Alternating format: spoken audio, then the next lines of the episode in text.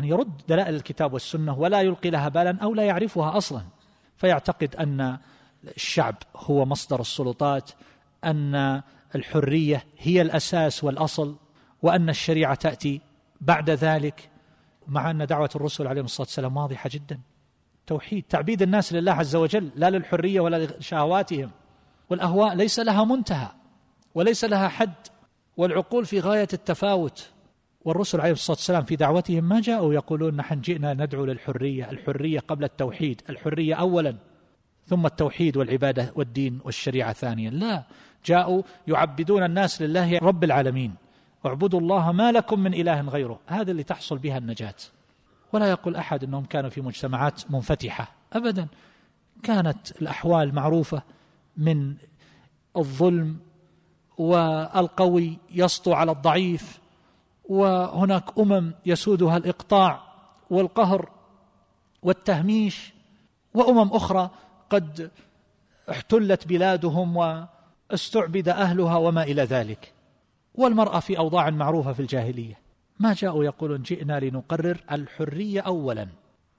عليكم بالحرية ندعوكم إلى الحرية. لا قالوا لهم اعبدوا الله ما لكم من إله غيره. وانظروا تأملوا في دعوة الرسل عليهم الصلاة والسلام. بماذا خاطبوا أقوامهم؟ فهؤلاء الذين يعتقدون لا سيادة للشريعة وإنما السيادة للشعب السيادة للجماهير. الكلمة اولا وأخيرا للشعب والشعب هو مصدر السلطات هذا هو الكفر الأكبر الذي له قرنان. نسأل الله العافية. هذا الكفر الأكبر. ولكننا لا نقول بكفر هؤلاء لأن كثيرا من هؤلاء لا يفقهون ما يقولون. ولا يدركون أبعاد هذا الكلام وخطورته فهم جهلة يحتاجون إلى تعليم وتبصير وأن يفتح أمام الواحد منهم المصحف ويقرأ عليه الآيات ماذا جاءت به الرسل وماذا خطبوا أقوامهم وما الذي دعا الله عز وجل الناس إليه. ثم بعد ذلك يأتي نقاش آخر.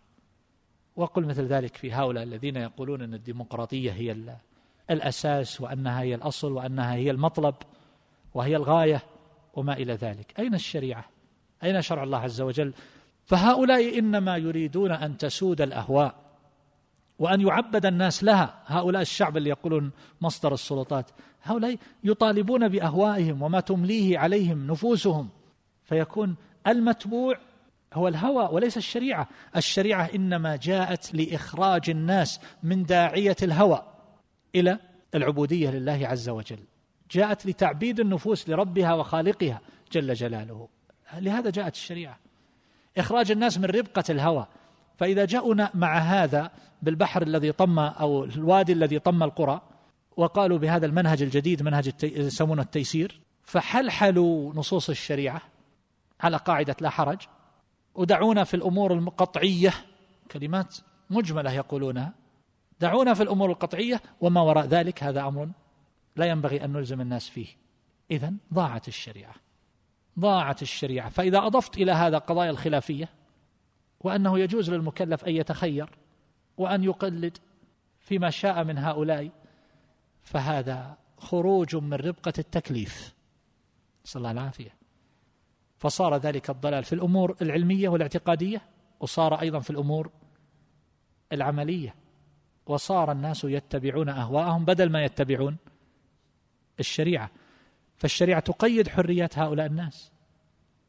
هناك هامش من الحرية أقره الشرع ولكن لم يجعلها حرية مطلقة. هم عبيد لله عز وجل يتقيدون بضوابط وحدود الله عز وجل وقد توعد الله من تعدى حدوده.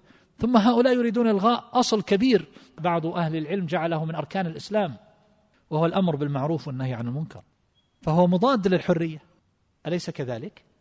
بحيث يوقف هؤلاء الذين يتجاوزون حدود الله عز وجل عند حدهم ويؤخذ على يد هؤلاء السفهاء.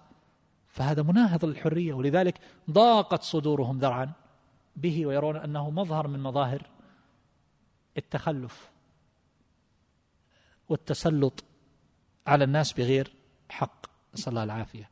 فأقول أيها الأحبة هذه ضلالات كبار تروج ويردد بعض العبارات بعض الشباب الذين لا يفقهون مراميها.